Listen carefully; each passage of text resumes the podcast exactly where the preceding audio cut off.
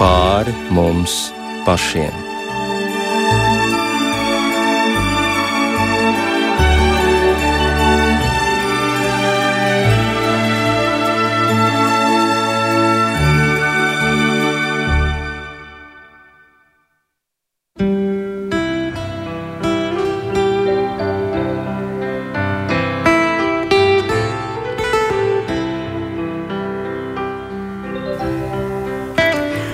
Esiet sveicināti raidījumā pāri mums pašiem, lai ir slavēts Jēzus Kristus. Studijā Inte Zēgnere par skanējumu rūpējas Mārtiņš Paeglis. Mēs sveicām Kristus augšām celšanās svētkos pareisticīgai baznīcai piederīgos. Savukārt rietumkristiešiem šī jau ir pirmā svētdiena pēc lieldienām, ko dēvē arī par balto svētdienu, jo senatnē tā bija ierasts, ka tie, kas lieldienu naktī bija kristīti, turpināja staigāt šajās baltajās kristību trānās, bet šī ir arī Dieva žēlsardības svētdiena. Un kāpēc tai ir dots šāds nosaukums, un kādas žēlsirdības traumas Dievs ir apsolījis izliet šajā dienā par cilvēku dvēselēm? Par to mēs runāsim turpmākajā stundā. Un pie mums viesos ir bīskaps un Svētās Marijas Magdalēnas draugs prāvests Andris Kravalis. Labvakar! Labvakar un izdevniecības kala raksti vadītāja Aija Balode. Labvakar! Aija, paldies par šo drošsirdību. Esi mērojusi ceļu no rakcijiem šurp un tāpat arī dosies atpakaļ. Ar prieku! Jā, un savukārt Bīskaps pavisam nesen vēl piedzīvoja Radio 3 translāciju un Riharda Dubras um, pirmatskaņojumu pasaules radīšanai. Liela notikuma pilna ir šī diena. Bet tā, ja pirms dažām dienām tu savā Facebook lapā ierakstīji tādu triumfējošu vēstījumu, vēsturiska diena mūsu izdevniecībai, klajā ir nācis absolūti vēsturisks izdevums pēdējā privātā atklāsme, ko baznīca ir atzinusi par autentisku, dieva vēsts poļu klostermāsai Faustīnai par bezgalīgo žēlsirdību, kāda viņam ir pret šo pasauli un pret mums ikvienu. Tā skanēja tavs ieraksts, un tāpēc vispirms tomēr noskaidrosim, kas tad ir šī Faustīna, šī noslēpumainā Faustīna, pateicoties kurai katru gadu šī svētdiena tiek svinēta kā Dieva žēlsirdības svētdiena.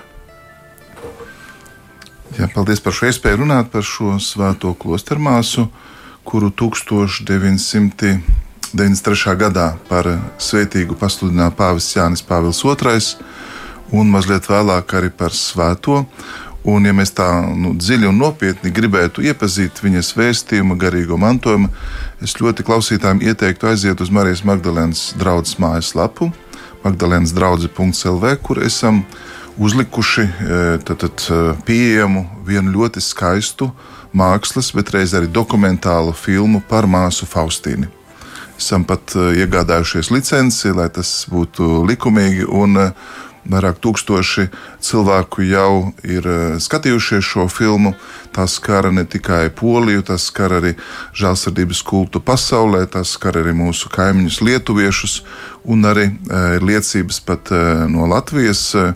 Mēs patiesībā, kad tulkojam Faustīnas dienas grāmatu, pat domājam, ka šie divi notikumi, šī filma, un grāmata ies kopā, bet uh, Covid un varbūt uh, tas, ka filma tik ātrāk iztulkota, uh, mums neļauj varbūt to tā pasniegt, bet, Sinhronizēt, jā, jā. bet viņa vienkārši ir pieejama. Bet tagad, lai atbildētu uz jautājumu, pirmkārt, viņa ir poļu uh, klostermāsa, kas dzīvoja 20. gadsimta sākumā un aizgāja mūžībā 1938. gadā, un viņa nodzīvoja tikai 33 gadus.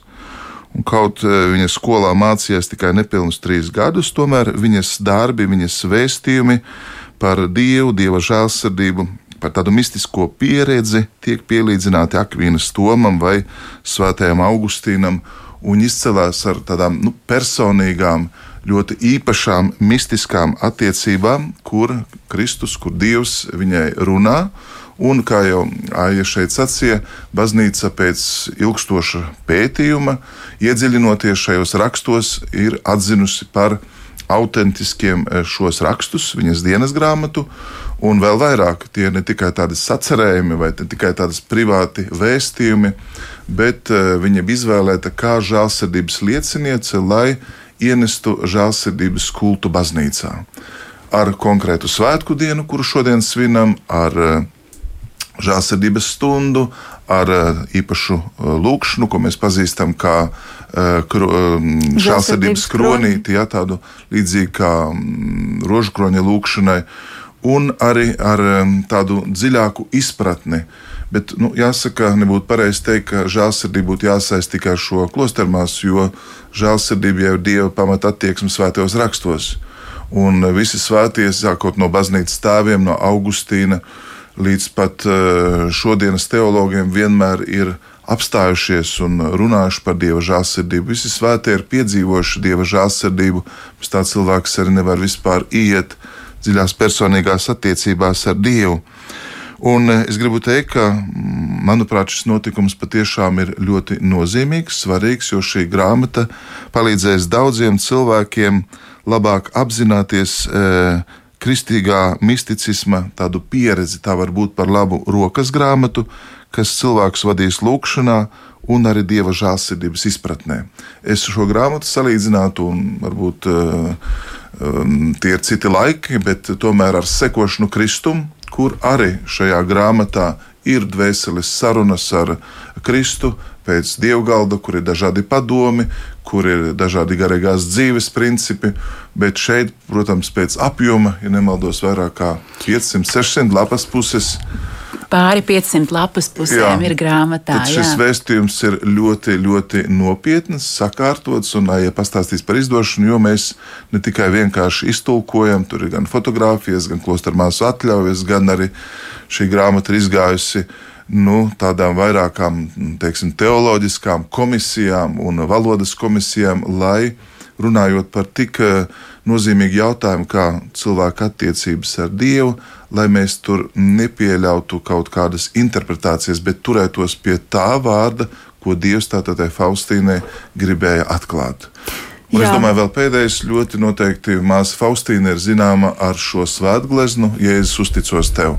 Praktiski visos katoļu dievnamos, personīgā dievbijā jūs redzēsiet Jēzu, kas tad, tad ar atvērtu sirdi, atvērtām rokām, un no viņas sirds nāk šie baltie un sarkanie stari kas īpašā veidā pauž dieva žēlsirdību, dieva mīlestību, kas ir saistīts gan ar kristības sakramentu, gan ar evaharistiju.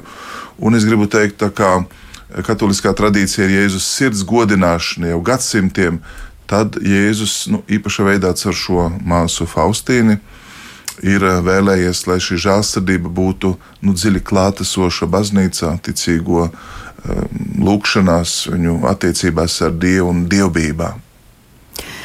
Jā, bet vispār jau ar mums cilvēkiem ir tāda viena interesanta lieta, ka no vienas puses mēs tiecamies pēc pārdabiskā un arī cenšamies izzināt kādus neparastus notikumus, noslēpumus. Tas vienmēr ir, nu, labi, tur vienalga lidojošie šķīvīši, vēl kaut kas, kādas neparastas gaismas. Cilvēks ir tā kā tendēts meklēt to brīnumu un tajā pašā laikā arī to apšaubīt. Un, piemēram, tagad, eh, tikko mēs uzzinājām par māsu Faustīnu, jā, ir arī pieejama šī filma. Es no rīta sāku to skatīties, un, piemēram, tur ir tāda epizode, kur viņa saka savam garīgajam tēvam, Jēzus teica, lai es pie jums aizeju. Un tas garīgais tēvs ir šokā. Kas jums teica? Jēzus teica. Un tas ir tas pārsteidzošākais, un liekas, nu, kā var būt tādas attiecības ar trīsvienīgā dieva, tātad otro personu, jā, Jēzu. Nu, jā, mēs zinām, cilvēku daudz ticīgi visā pasaulē, nu, bet kā var būt tādas attiecības? Kā tu izgāji šai pieredzē cauri, lai to vispār saprastu? Um, jā, nu. Um, tu jau vari esi racionāls cilvēks būtībā um, no vienas puses. Nu, droši vien, it sevišķi salīdzinot ar māsu Faustīnu visnotaļ, vai ne?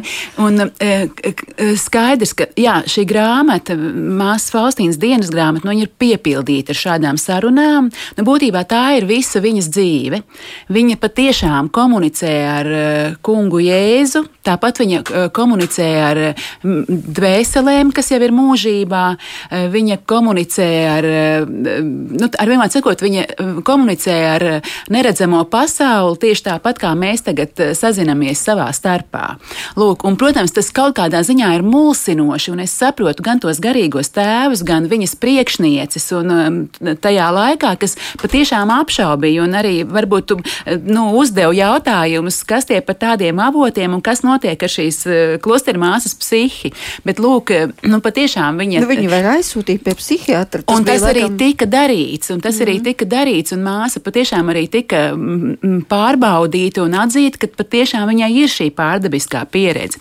Nu, lūk, un tas, nu, un, nu, ka jā, izrādās, ka nu, Dievs spēja arī šādi komunicēt, bet no otras puses arī tieši šodienas svētkos mums tomēr mūsu pārējos, kam tāda pieredze nav, arī iedrošina kungs evaņģēlijā saka, bet svētīgi tie, kas neredzēja, bet ticēja. Lūk, bet pa laikam, lūk, tomēr kādam cilvēkam Dievs dod šo tādu ļoti īpašo pārdabisko pieredzi, bet laikam taču jādomā, ka mūsu visu dēļ, jo, lūk, nu, šīs sarunas, šī saziņa ar, ar debesīm, kas bija māsai Faustīnai, nu, tāds, tas, tā, šī pieredze drīkst stiprināt mūs visus. Nu, tā es atbildētu. Jā, šī pieredze viņai netiek dota viņas dēļ vai kaut kādā veidā. Es domāju, ka tas ir visas baznīcas dēļ, arī viņas... mūsu dēļ. Ja? Nu, tā. Un atkal no otras puses, es domāju par šo māsu Faustīnu, kas tiešām bija ļoti vienkārša, jauna sieviete, un ka viņai arī nav nekāda viltus viņā, ka viņa varbūt, nu, es tā, ja mēs, nu, kā es darītu, ja man tagad būtu šādi, es šodien iet tā, nu, nu, es varbūt pat neteiktu, man Jēzus teica pie jums nākt, bīskapa Andrē, Nu, vai ne? Bet tas arī kaut kur parāda to viņas tādu pilnīgo skaidrību, ka viņai saka, jāiet, viņa arī saka, Jēzus teica, man jāiet. Un, nu, vienkārši tiešām tur nav vispār nekāda viltus viņā. Nu, tā. Jā. Ik pa laikam kaut gan tomēr ļoti reti tiek šādas pieredzes dotas, un vēl jo retāk tās baznīca apstiprina. Un arī, lai par šo pieredzi, autentiskumu pārliecinātos vairāk nekā 60 gadu laikam bija vajadzētu. Vajadzīga, lai šī pieredze tiktu atzīta. Tātad tā tika pētīta, analizēta, salīdzināta ar svētiem rakstiem. Nu, milzīgs ciets, kam izgāja cauri māsas Faustīnas dienas grāmatu un viņas pieredze, lai mēs to varētu iegūt kā sev, kā palīdzību un kā mantojumu. Jā, protams, tieši tā, jo uh, vajadzēja paiet laikam, bet eh, nu, kas ir skaisti, ja jau Dievs grib īstenot savu gribu, atklāt savu plānu, tad tas laika gaitā piepildās. Bet nu, šī māsa tiešām ļoti daudz cieta. E, jāsaka, ka arī citi svētie ir cieši, cietuši. Man nāk prātā Avilas Terēze, e, Terēze no Jēzus, e, spāņu mistiķe, ap 1515. gadu dzimusi, un viņa arī. Viņa tad iet pie sava bigstā un saka, man Jēzus to sacīja Nu, un tad, eh, ja es tikai saku, nu, tu paklausi, ko Bigstēvs teiks, un vienā brīdī tas Bigstēvs saka, nu, uh, nu, uh, tad uh, man grūti iedomāties, ka tev to Jēzus saka. Nu, viņa tā kā aizvainojās, bet, ja es saku, nu, tikai viņam paklausi, gan jau es pats nokārtošu. Nu, tad, kad viņš pats Jēzus parādās un atklājās un e, iedvesmo šo bigstēvu saprast, ka tas tiešām ir viņš, kas runā, nu, tad Avilas Terēza tēlo saka, nu, ko te jūs, ko te jūs tā. E, īstenībā viņi tā kā arī atspēlējās un bieži vien um, ir dažādi veidi, kā Dievs komunicē, ne tikai uzreiz caur vīzijām, redzējumiem, bet tieši mistiskā pieredze, kas tika nu, izvērtēta un turpina nest augļus baznīcā, nu, parāda, Eh, tiešām, ka tā ir bijusi dieva griba. Un ne par velti man nāk prātā pāvests, tagad jau svētais Jānis Pāvils II, kas iedibināja šos svētkus. Tātad, nu, patiesībā pats šo svētku priekšvakarā tika aizsaukts mūžībā. 2005. gada iedomājieties šo svētku, ko viņš oficiāli iedo, iedibina 2000. gadē, kā tāda zīme. Viņš šajos svētkos ir aiziet tēva mājās, un viņš uzskatīja, ka tieši šis māsas Faustīnas vēstījums ir viņas dzīves, eh, nu, sava veida eh, moto, credo, kura uzdevums ir patiešām viņu atklāt pasaulē. Un ne par velti Pāvests arī Jans Pāvils II rakstīja gan par dieva žēlsirdību, baznīcas dokumentus, encyklikas, gan viņš arī veltīja atsevišķus gadus, laika posmus dieva žēlsirdībai. Un arī tieši tāpat arī to dara nu, Francisks. Visi jubilejas gadi, kas ir bijuši baznīcā, ir vienmēr bijuši saistīti ar dieva žēlsirdību. Vai es drīkstu vēl par Jānu Pāvilu II mazu liecību? Vai jūs, Bīskapa Andrāts, atcerieties, mēs bijām eh, kopā svētajā zemē, kad viņš aizgāja mūžībā? Es atceros, kad mēs bijām tieši vēstniecībā Franču uz piemiņas dievkalpojumu, kā mēs eh, skatoties, sekojot tam notikumam nu, caur ekrānu. Nu, visi vienkārši nometamies ceļos, raudājam un lūdzamies. Tas bija tiešām tik ļoti īpaši, jo jā, tad, tad, um, mēs bijām svētajā zemē, un es arī atceros, ka tajā naktī kaut kā, es nezinu, es parasti tā naktī nemostos, bet kaut kā tiešām pamodos, un man bija pienākusi īziņa, ka Jānis Pāvils otr, otrais mūžībā. Un tad tiešām pēc dažām dienām bija Jeruzalemē iespēja uh, skatīties šo te, mm, dievkalpojumu, un bija ļoti interesanti, ka Es neatceros, vairs, kuri no tiem grupējumiem bija aicinājuši tur uz tikšanos, un tā, un ko valsts bija aizliegusi. Līdz ar to Jeruzalemē nedrīkstēja vispār ieiet vietējie cilvēki. Tur drīkstēja ieiet tikai ar turistu, nu, apmēram turistu ar ārzemnieku pasēm. Un līdz ar to šī Jeruzaleme, kur vienmēr ir e, milzīga burzma, troksnis, e, tirgus, tur bija pilnīgs klusums, un tā tiešām, ka šķita, ka tā Jeruzaleme nu, arī pavada Jānu Pāvilu otro mūžībā ar tādu mieru un tādu tiešām tādu pilnīgi tādu svētsvinīgumu. Lūk, tādu vienkārši es tagad jūs stāstījāt par viņu un kaut kā to atcerējos. Man palika prātā, kad mēs bijām, tad, tad tā bija um, nunciatūra, tad, tad pie svētā krēsla, kur bija liela zāle ar uh, to ekrānu, un tad uh, cilvēki vienkārši nu, nevarēja nostāvēt kājās, bet tās ceļiem un lūdzās tajā kinoteātrī, jo tā atvadīšanās nu, ceremonija bija kad, nu, kaut kas īpašs.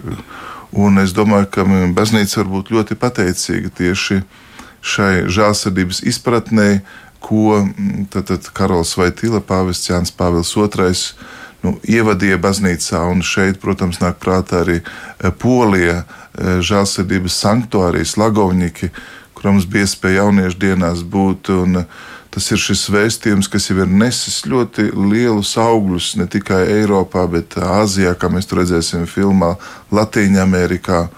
Un, manuprāt, uzticēt sevi Dieva žēlsirdībai nozīmē patiešām nu, atklāt Jēzu Kristu, atklāt viņa vaigu, jo Jēzus taču saka, esiet žēlsirdīgi, kā mans tēvs ir žēlsirdīgs. Tā ir Dieva pamatīpašība.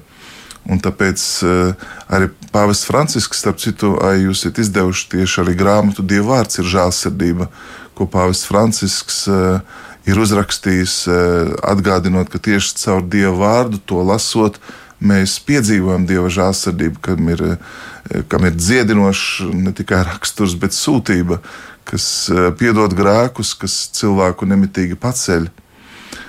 Tieši tāpēc šī otrā svētdiena, tūlīt pēc Kristus augšām celšanās svētkiem, nu, ir šī žālsirdības svētdiena.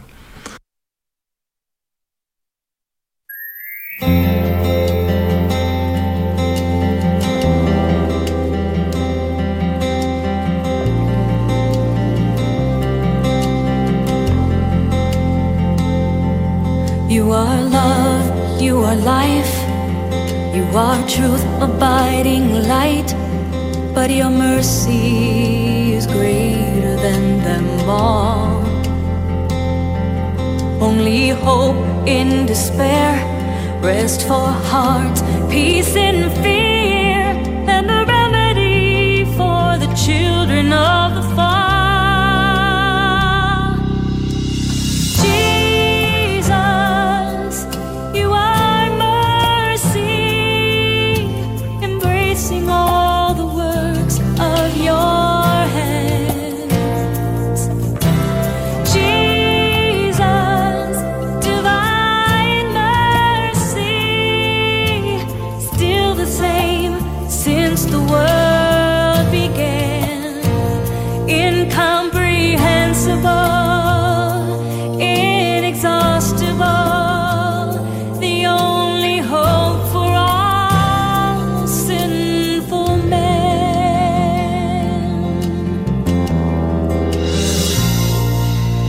Searching found that justifies, endowing us with immortal life from the heart of the Father and found in you.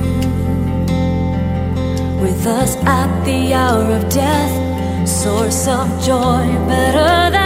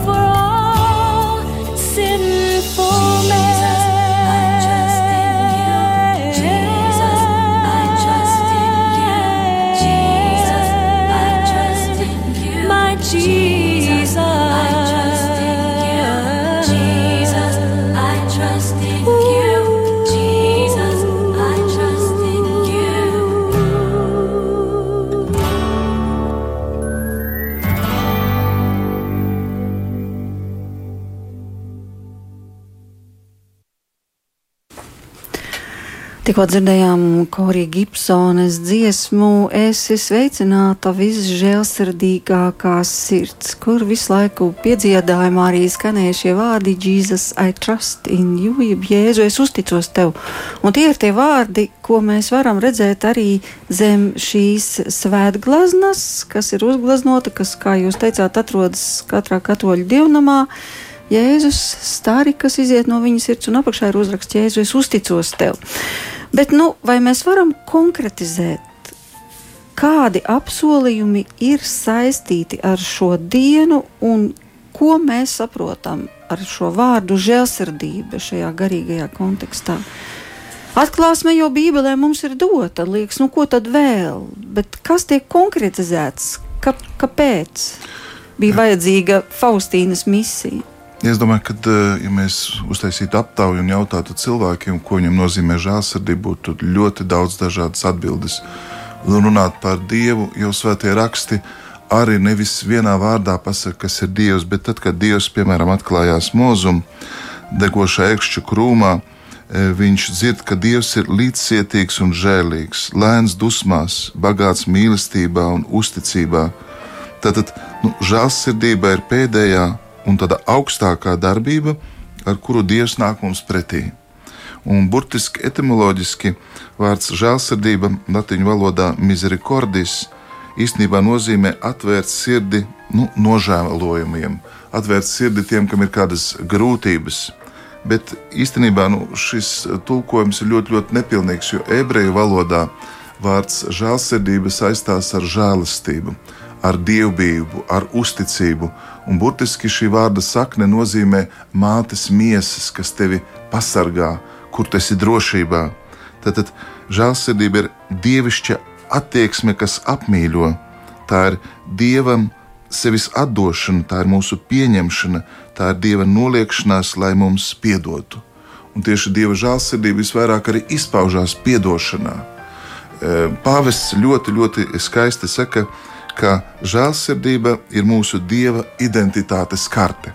Hmm. Un viņš e, kādā sprediķī saka, nu, skatieties uz mazu bērnu, viņš iet un krīt, iet un krīt, un vecāki vienmēr ir ceļā augšā un mēģina uz tām kājām viņu tur notustēt. Bet nu, vienalga viņš pakritīs, un viņš saka, arī mēs tieši tāpat krītam. Tad šī vecāku roka, tēva un mātes roka, kas bērnu ceļ, ir dieva žēlsirdība.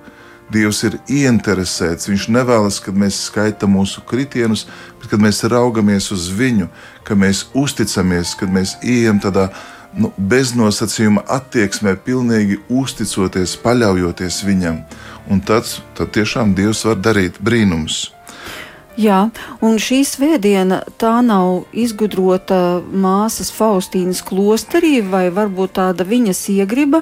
Tas ir tas, ko viņai pavēlēja un teica Jēzus, ka pirmajai svētdienai pēc lieldienām ir jābūt par manas žēlsirdības svētkiem. Un tur ir tāds teksts, lasāms viņas dienas grāmatā, ko Jēzus viņai ir teicis stāsta pasaulē par manu bezgalīgo žēlsirdību, lai žēlsirdības svētki kļūst par atgriešanos un aizsardzību visām dvēselēm. Un ka šajos svētkos, tātad šajā svētdienā, es izliešu savas žēlsirdības okeānu, tātad tieši šodien par tām dvēselēm, īpaši grēciniekiem, kas tosies manas žēlastības avotam. Un tad loģiski rodas jautājums, ko tad mēs vēl varam pagūt līdz pusnaktī? varam skatīties šo filmu, varam uh, mazliet nu, pievērst uzmanību. Ja jūs uzrakstīsiet vārdu māsa Faustīna, jūs noteikti atklāsiet arī šo Jēzus žēlsirdības svētbildi ar šiem stariem, kur interesanti Jēzu viņa redz tajā brīdī, kad priesteris ar evaharistiju, ar hostiju dod svētību, un tieši tajā brīdī Jēzus parādās kā persona ar paceltu roku, un šie stari E, patiesībā nozīmē, ka cilvēks var uzticēties, paļauties, ka baltais stars ir tas, kas nomazgā pasaules grēkus, un šis sarkanais stars simbolizē asinis, kas barot cilvēku dvēseles, kas stiprina. Un tad, tad, e, tā ir viņa atvērtā sirds, un tas ir ļoti, ļoti bibliski, jo tieši pie krusta jēzuma bija šī atvērtā sirds, un šodienas ir evaņģēlijs.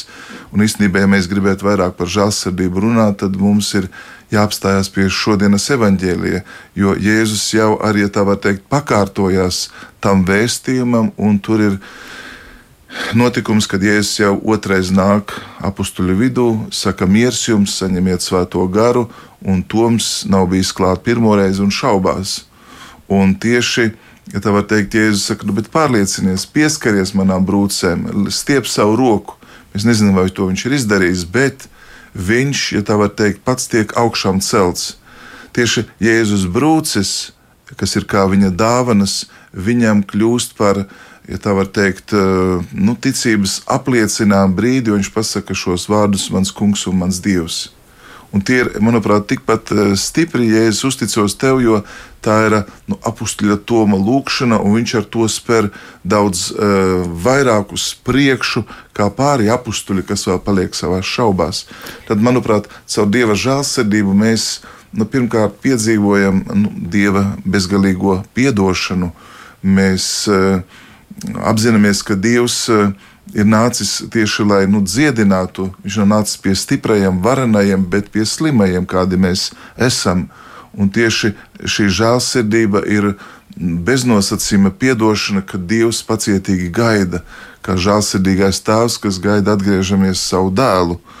Un tieši tāpēc, lasot psalmus, piemēram, 136. psalms, nemitīgi ir šis referents par Dieva žēlsirdību, dziedāšu mūžam, viņa žēlsirdībā es balstīšos.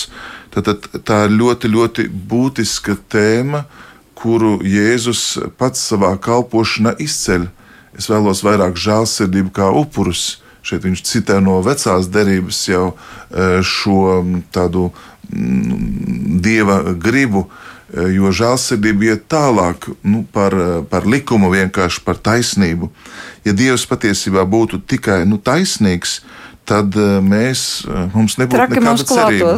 Mēs patiešām, ja tikai mēs ietu attiecībās ar Dievu pēc likuma ievērošanas, tad eh, patiesībā, nu, kas varētu stāvēt Dieva priekšā?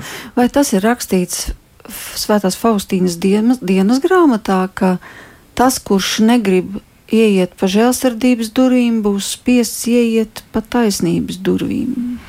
Pie debesu tēva, vai es to esmu Tagad ir izgudrojusi? labs tā- jautājums, jo tiešām tur ir Tāda frāze man kaut kā palikusi atmiņā. Jā, tā ir pirmkārt kolosāla frāze, pilni, jā, bet vai tiešām tā ir dienas grāmatā? Es tagad uzreiz nevaru simtprocentīgi 600 apgalvot, ja, jo tiešām es uzreiz, tās jā. visas lapas puses no galvas neatceros, bet tas nav izslēgts, teiksim tā. Jā. Es domāju, ka šī pieredze saistās ar Svēto Terezu no bērna Jēzus un Svētā Vaiga. Viņa savā manuskriptā runā, jo ir kāda māsa, kas ir sev veltījusi dieva taisnīgumam, un viņa briesmīgi cieš. Un tad Terēza saka pie sevis, es gan nekad to tā nedarītu, es uzticēšos Dieva žēlsirdībai. Un, lai to konkrēti īstenotu, jo man patīk, kā jūs sacījāt, tas nav kaut kas teorētisks, bet viņa ir ļoti praktiska. Viņa pat ar savām asinīm uzraksta uzupurēšanās aktu dievišķai žēlsirdībai. Tas ir mazā Terēzija. Jā, jā, mazā Terēza. Jā, bet tagad, ja apstājamies pie Faustīnas un pie šīs svētgleznas, kā jūs sacījāt, tā ir katrā dievnamā.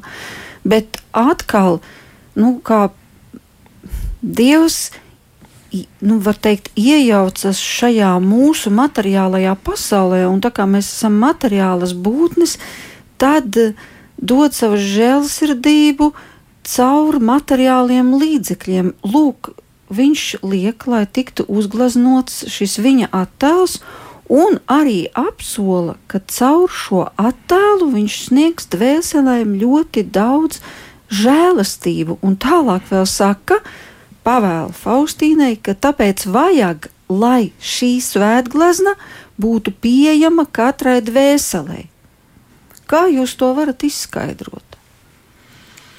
Teoloģiski es teiktu tā, ka arī Kristus nākot šajā pasaulē nu, nevēlējās būt kā bezpersoniska enerģija vai vienkārši spoks. Viņš pat pēc augšām celšanās apliecināja, ka viņš nav tikai gars, ka viņš nav spoks, bet viņam var pieskarties, viņam ir kauli un viņš var baudīt ēdienu.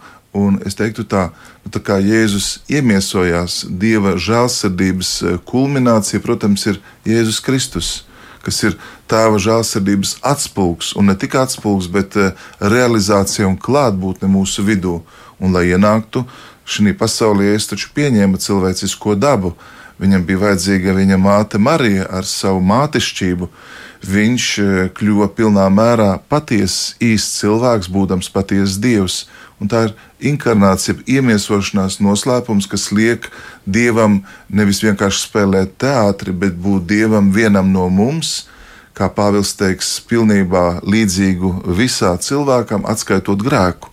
Un es domāju, ka e, tieši tādā veidā arī Jēzus e, attēls, ko viņa tātad lūdz, lai tas tiek uzgleznots un vairāki varianti, un var vienu no oriģināliem apskatīt tepat Viļņā kas ir tādā nu, godināšanas kapelā, nemitīgi 24 stundas. Nu, tāpēc, ka viņi tur dzīvoja Jā. kādu laiku. Jā, un Tas arī bija, jā. viņa bija saistīta ar šo, šo svētbildi. Protams, ļoti tas interesanti aprakstīts ir un attēlots filmā par to. Tātad es gribu teikt, ka Jēzus vēlās palikt ne tikai, ja tā var teikt, nu, bezpersoniska būtne, bet viņš vēlas nu, iemiesoties, viņš vēlas kļūt satiekams, redzams, konkrēts. Tāpat kā Tomam viņš saka, nāc, liec savu roku, pieskaries man, un tajā brīdī viņš arī apliecina savu ticību. Un es domāju, arī vi- vienkārši, piemēram, māsai Faustīnai nerādījās jēzus, bet bieži vien tas bija saistīts gan ar liturģiju, ar paklausību, ar klostera pienākumiem, vai šeit, šī gadījumā, kad viņa redzēja Jēzu, eh, tad tas bija svētības brīdi ar visvētāko sakramentu. Un tas cilvēkam bieži vien var palīdzēt saprast, ka dodot svētību ar šo Kristus miesas un asiņu noslēpumu, patiesībā tas ir pats Kristus, kas svētī. Un viņai garā redzēja šo redzējumu, ka Jēzus ir tas, kas to dara. Jā, bet man pavisam konkrēts jautājums. Nu, ko tas nozīmē, piemēram, cilvēkam ieejot baznīcā?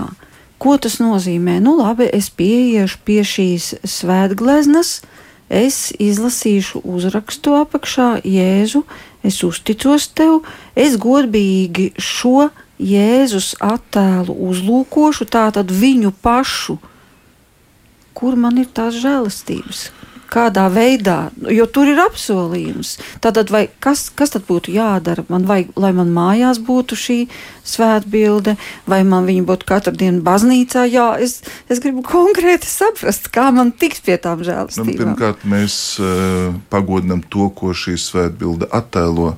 Mēs uh, negodinām, uh, ja tā var teikt, Bildi. priekšmetu bildi mm -hmm. kā tādu. To jau um, ekumeniskais koncils, uh, 8. ja nemaldos, pieņēma, ka ikonās, piemēram, mēs uh, negodinām priekšmetu, bet to, ko ikona mums atklāja, to vēsti, ko viņa nes, mēs caur to ieejam, ja tā var teikt, ticības noslēpumā, un tieši arī šeit mēs eh, negodinām bildi kā tādu, bet viņa mums ļoti palīdz, jo viņa caur šīm zīmēm, caur šiem stariem, caur Jēzus skatienu un arī ar šo vēstījumu. Un zīmīgi, ka, piemēram, nu, katrā valodā izdodot šīs svētbildes, tad arī eh, māsas, um, māsas Faustīnas eh, māsas, kas īstenībā ir ļoti modras par šo godināšanu, lai nebūtu uh, kaut kādas varbūt manipulācijas, tur ir šie vārdi, ja es uzticos tev. Katrā valodā, un arī jūs, piemēram, Lietuvā būsiet, redzēsiet dažādās valodās, tad katrs cilvēks ar ticības pārliecību no savas kultūras, no savas vides ir aicināts spērt šo uzticības soli. Jo, ja cilvēks sevi neustic dievam, dievs nevar manipulēt ar cilvēku. Ja tā var teikt, neusticība sasien dieva rokas, neusticība aizver durvis eh, kristumu, neusticība cilvēkam liek ieslēgties tādā nu, tiešām cietoksnī, kur pat dievs nu, nevar viņam pietuvoties, jo viņš ar savu brīvu gribu, atsakoties no dieva žēlsirdības, grēku piedošanas, no svētā gara, īstenībā nodara visvairāk pāri sev. Un tāpēc, manuprāt, šī bilde veicina tādu lielāku, nu, es redzēju, kā bērni šīs bildes priekšā, tad, tad nu, atkārto šos vārdus. Viņi, viņi uzticās, viņi ir priecīgi redzēt, ka Jēzus nāk viņiem pretī, ka viņa žēlsirdība iemiesojās, īstenojās. Tā kā Jēzus arī nu, vēlējās caur šo svētbildi būt klātesošs. Ai, jai kāda pieredze? Jā, nu es um, varu tikai um, priecīgi klausīties, cik, cik skaisti biskups Andris to saka, jo es um, droši vien tikai piekritīšu, jā, ka, ka šis, šī vēsts, Jēzu, es uzticos tev, nu, ka nevis es nāku tagad šīs svētbildes vai, vai tā viņa priekšā ar sarakstu, kas no manas puses ir izdarīts, un um, nu, ko Vai tagad arī es par šito, vajag? vai ko man vajag, vai arī, bet nu, tā kā vairāk tieši tas veikala moments, ka, nu, rekurt um, diezgan labi ir pastrādāts, un ko tagad Dievs man dos pretī. Lūk, un, bet ka tas tā nav, nu, ka mēs to žēlsirdību nopelnīt nekādā veidā nevaram, ka tas mums nāk pilnīgi, kā saka, bez maksas un tikai Dieva mīlestības dēļ. Un tas, ko nu, viņš no mums tikai prasa, tad ir šie vārdi un šī attieksme, ka Jēzu, es uzticos tev, es uzticos, ka tu zini labāk un ka tava mīlestība ir lielāka. Nu, nu tā. Man šeit eh, daži vārdi no Pāvesta Jāņa Pāvila II. Manuprāt, ļoti aktuāli. Ieklausīsimies, Dieva žēlsirdība pasaulē radīs mieru, un cilvēkiem tas būs laimes avots. Pāvests Jānis Pāvils II saka, tad, tieši šī žēlsirdības noslēpuma apcere ir prieka, līdzsvarotības un miera avots. Jo žēlsirdība, kā saka Akvinas Toms, ir dieva rakstura iezīme. Viņa varenība izpaužās tieši žēlsirdībā.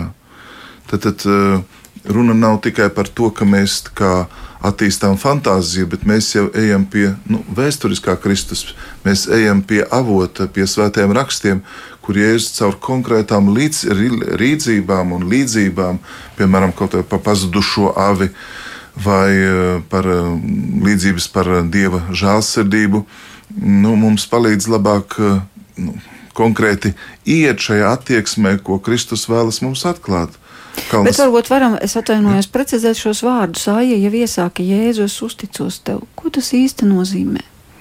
Nu, tas tieši to arī nozīmē, ka Jēzus, tu, tu zini labāk. Ka nevis es tagad, nu, kaut kādā ziņā pat lūkšanā, ka nevis tagad es stāstīšu, nu, es pat varu arī pateikt, ka es gribētu šādi, Bet, Jēzu, es uzticos tev, tā kā tu zini labāk, nu, lai notiek tā, kā, nu, tā kā tu, jo tu tevi, tevi redzams labāk. Un tad es vienkārši, Jēzu, es uzticos tev, un ja tā, tajā, tajos vārdos tā mm, iedziļinās, tad būtībā Neko citu arī pat nav jālūdz. Vienkārši jāpliecina tā uzticība un jāaug. Un tas, Inti, jūs jautājat, Jā. ko mēs varam vēl šovakar izdarīt?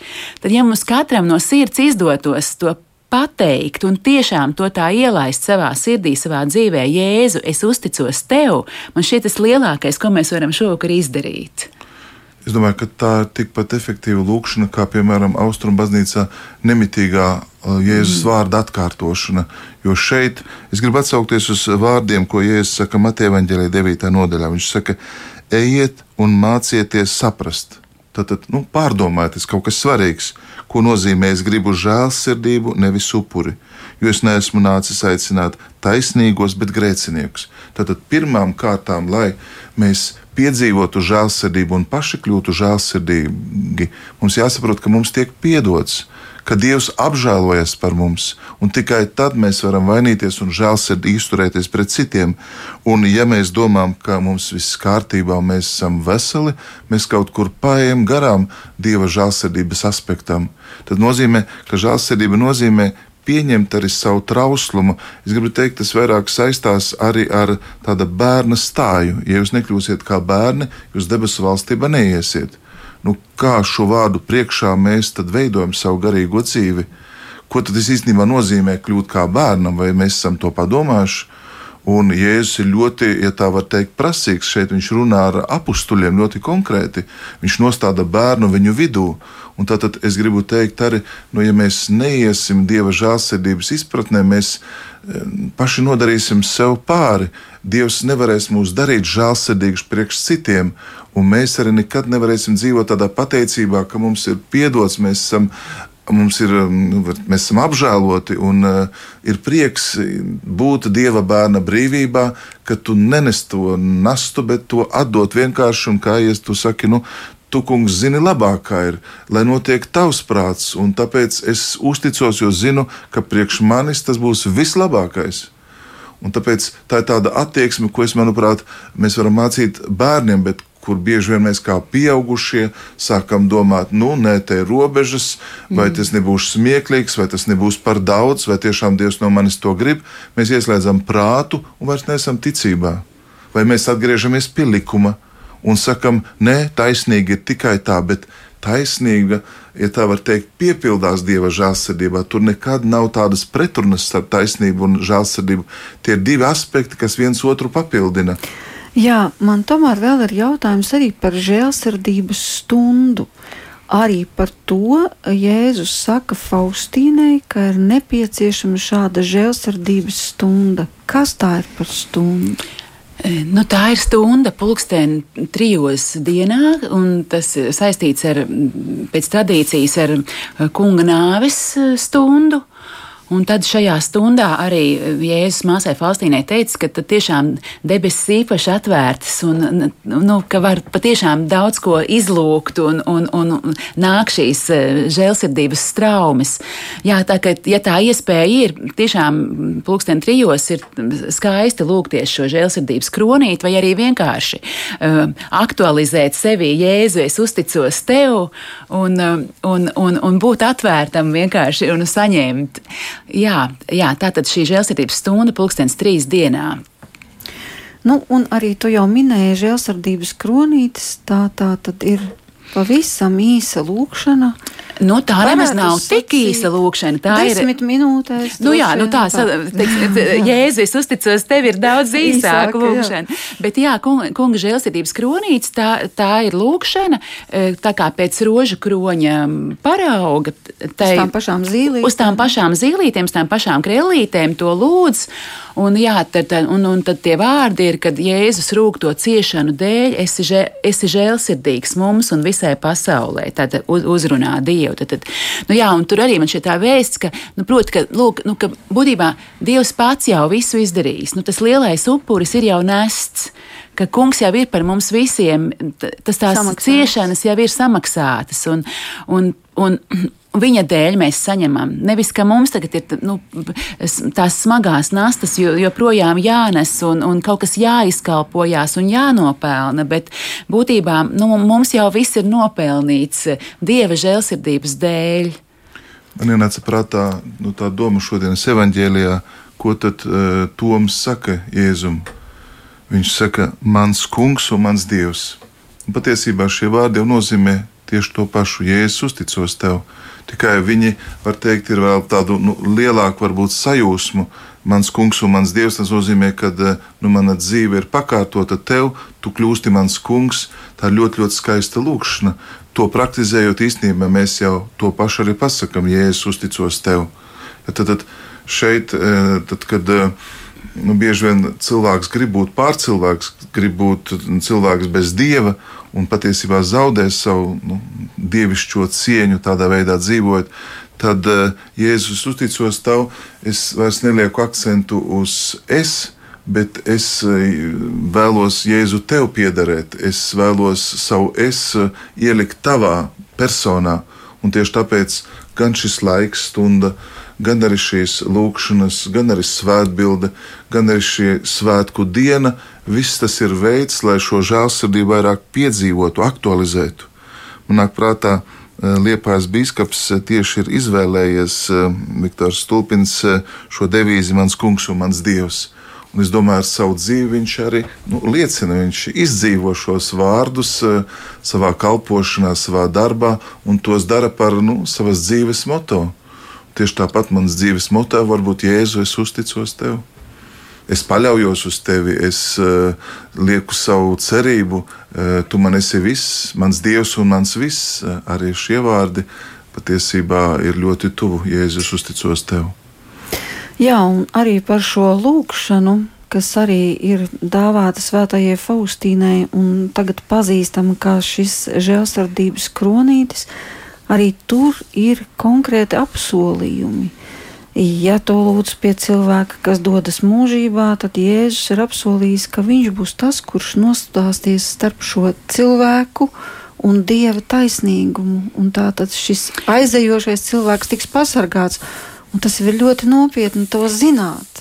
Tad, tā, tā ir tiešām tas ir kolosāls apsolījums. Un arī šajā dienas grāmatā vairāk kārt māsa Faustīna par to raksta, ka patiešām viņa kaut kad, piemēram, arī naktī viņa tiek, viņa uztrūkstas no miega, jo viņai saka, lūdzies par tādu un tādu dvēseli, un viņa lūdzas, un pēc tam šī dvēsele nāk pie viņas un pateicās par to, ka, ka, viņa, ka viņa lūdzās, un, un, un, tā, tā, un, un tā dvēsele mie, nu, aizgāja mierā.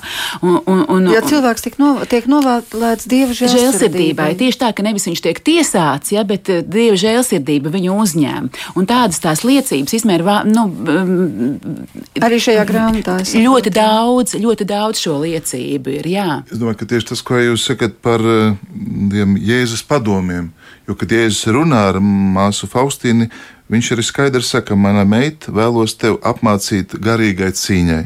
Un es tikai vienkārši dažas, varbūt tādas, eh, kas saka, padomus, eh, ko Jēzus viņai saka, nekad nepaļaujies uz sevi, bet pilnīgi uzticies manai gribai, piemēram. Ja tu ieej vientulībā, tumsā, šaubās, tad tu uzreiz meklē mani un meklē to pie garīgā vadītāja. Piemēram, eh, nepieļauj kārdinājumiem attīstīties tevī, bet uzreiz steidzies pie manas sirds. Pirmā izdevīgā brīdī Eivisu atklāja Bigstēvam vai, piemēram, esi ļoti pacietīga pret sevi. Tad, lasot šos, nu, tā var teikt, padomus. nu, jā, es, es domāju, ka bieži mēs lasām tūkstošu stāvu padomus, bet šeit tie nav tikai tūkstošu stāvi, bet nu, Jēzus to ir atklājis pieredzē, un caur viņas attiecību mēs redzam, kā viņa cenšas īstenot šos padomus. Un tādā veidā, nu, lasot šo grāmatu, mēs varam iet nu, pilnīgi jaunās attiecībās ar Dievu, uh, ar Jēzu, un viņš uh, kļūst daudz personīgāks, konkrētāks. Tā var būt manas dvēseles nu, saruna ar skolotāju, mācītāju, pestītāju. Jā, ja mēs, protams, vienkārši elementāri googlē Svēto Faustīnu, kā sacīt, iegūlēsim ļoti daudz, atradīsim dažādus materiālus. Protams, šis ir ļoti vērtīgs izdevums. Uh, bet arī šie apsolījumi ir tik ļoti iedrošinoši un tik ārkārtīgi vajadzīgi, īpaši šajā laikā, kas ir tik nemierīgs. Jēzus Faustīnai arī sacīs, ka cilvēki izturās tā, it kā viņš joprojām būtu miris, nevis augšām cēlies un dzīvs. Un vēlreiz saka viņai, ka sirds viņam ir pilna ar žēlsirdību, un kaut grēki cilvēkiem būtu melni kā nakts, tad dieva žēlsirdība ir lielāka. Un tikai viena lieta nepieciešama, lai cilvēks kaut nedaudz atvērtu savu sirdi šīs dievišķās žēlsirdības straumēm. Nu, tie vārdi, ko tu teici, es uzticos tev, es uzticos, un tad es skatos, kas notiek manā dzīvē. Tieši tā, un vēl man šķiet, kas ir ļoti iedrošinoši, ka vispār šī māsa Faustīna, vai arī mēs varam zināt arī šobrīd par to tādu uh, dievam veltīto cilvēku, lielo to pienesumu pasaulē, ka mēs arī šobrīd, mums arī Latvijā, ir, paldies Dievam, ir klosteri, ir māsas, kas lūdzas, ir, ir šī paralēlā garīgā dzīve, tie upuri, kas Dievam tiek nesti, un mēs varbūt ikdienā nemaz tā kā nenovērtējam, cik tas ir milzīgs spēks. Varbūt, mēs arī neredzam. Mēs pirmkārt neredzam, bet varbūt pat, ja zinām, bet piemirstam, bet ka varbūt vispār tiešām tikai šie, šīs Dievam veltīto eh, cilvēku lūgšanas kaut kādā nebūtu vēl līdzsvarā šo šo trako pasauli notur. Mēs varbūt to nejūtam, kā tas ir, bet tas, tas, tas tā notiek. Ja? Nu, lūk, un, ja es drīkst, es vienkārši tieši um, uzšķīru grāmatā tādu ma mazu vienu to epizodi, kur māsa raksta. E, šodien pie manis atnāca kungs, ja pie mums atnākam, mēs cits pie cits, bet pie viņas atnāca kungs un teica, mana meita palīdzi man glābt dvēseles. Tu iesi pie mirstoša grēcinieka un skaitīsi šo kronīti, un tā tu izlūksi viņam paļāvību uz manu žēlsirdību, jo viņš jau ir izmisumā. Un pēkšņi es atrados nepazīstamā zemnieku mājā, kur briesmīgās mokās mira gados vecs cilvēks. Ap viņa gultu bija daudz dēmonu un raudoša ģimene. Kad sāku lūgties, tumsas gāri šņācot un man draudot, izklīda. Mirstošā cilvēka dvēsele nomierinājās un paļāvības pilna atdusējās kungā. Tajā pašā brīdī ieraudzīju sevi savā istabā. Kā tas notiek, nezinu. Jā, tikai viena no epizodēm. Nu, un... Nu, tā. Viņa saka, es nezinu, lūk, nu tā tas ir. Ja? Kungs atnāca, lūdzies par šo cilvēku, viņa lūdzās, viņš mierā aizgāja. Ja? Kā tas notiek, nezinu. Un tas, ka vienkārši mēs jau arī nezinām, kā tas notiek, bet es, nu, tā tas notiek. tā ka tas lūkšanas spēks ir mm, fantastisks. Mums atliek tikai izmantot. Jā, gluži kā Ziedonis teica, lūkšana ir stiprāka par mums. Mēs nezinām, cik tālu viņa staro. Jā, nu tad mums arī jānoslēdz šis raidījums. Paldies, ka atnācāt, padalījāties ļoti dinamiski un ātri. Tas aizsteidzās. Varbūt jums ir kādi vēlējumi vārdi pavisam īsi. Man liekas, ir labi, ja Aija pasaka paldies tiem cilvēkiem, kas strādā pie šīs grāmatas. Paldies visiem! Priesterim Andrim Ševelam par tulkojumu, un Astrai Feldmanai par redakciju, un Artūram Bangam par, fotogrāfi, par fotografiju. Un, un Un visiem, kas lūdzās, un visiem, Laurai. kas atbalstīja, un Laurai Feldbergai par ļoti skaisto maketu. Un tiešām, un paldies visiem par pacietību, jo tiešām es rakstīju Facebookā, un tā arī ir. Nu, vairāk nekā desmit gadus baznīca gaidīja šo grāmatu, un paldies Dievam ir sagaidījusi. Paldies! Lasīsim, iedvesmosimies un atcerēsimies, ka vēl joprojām ir šī žēlsirdības svētdiena kurā Dievs turpina un arī turpinās izliet savu žēlsirdību. Šovakar raidījumā kopā ar mums bija bīskaps Andris Kravalis un izdevniecības kala raksti vadītāja Aija Balode. Pie mikrofona bija Inte Zēgnere, bet par skanējumu rūpējās Mārtiņš Paiglis.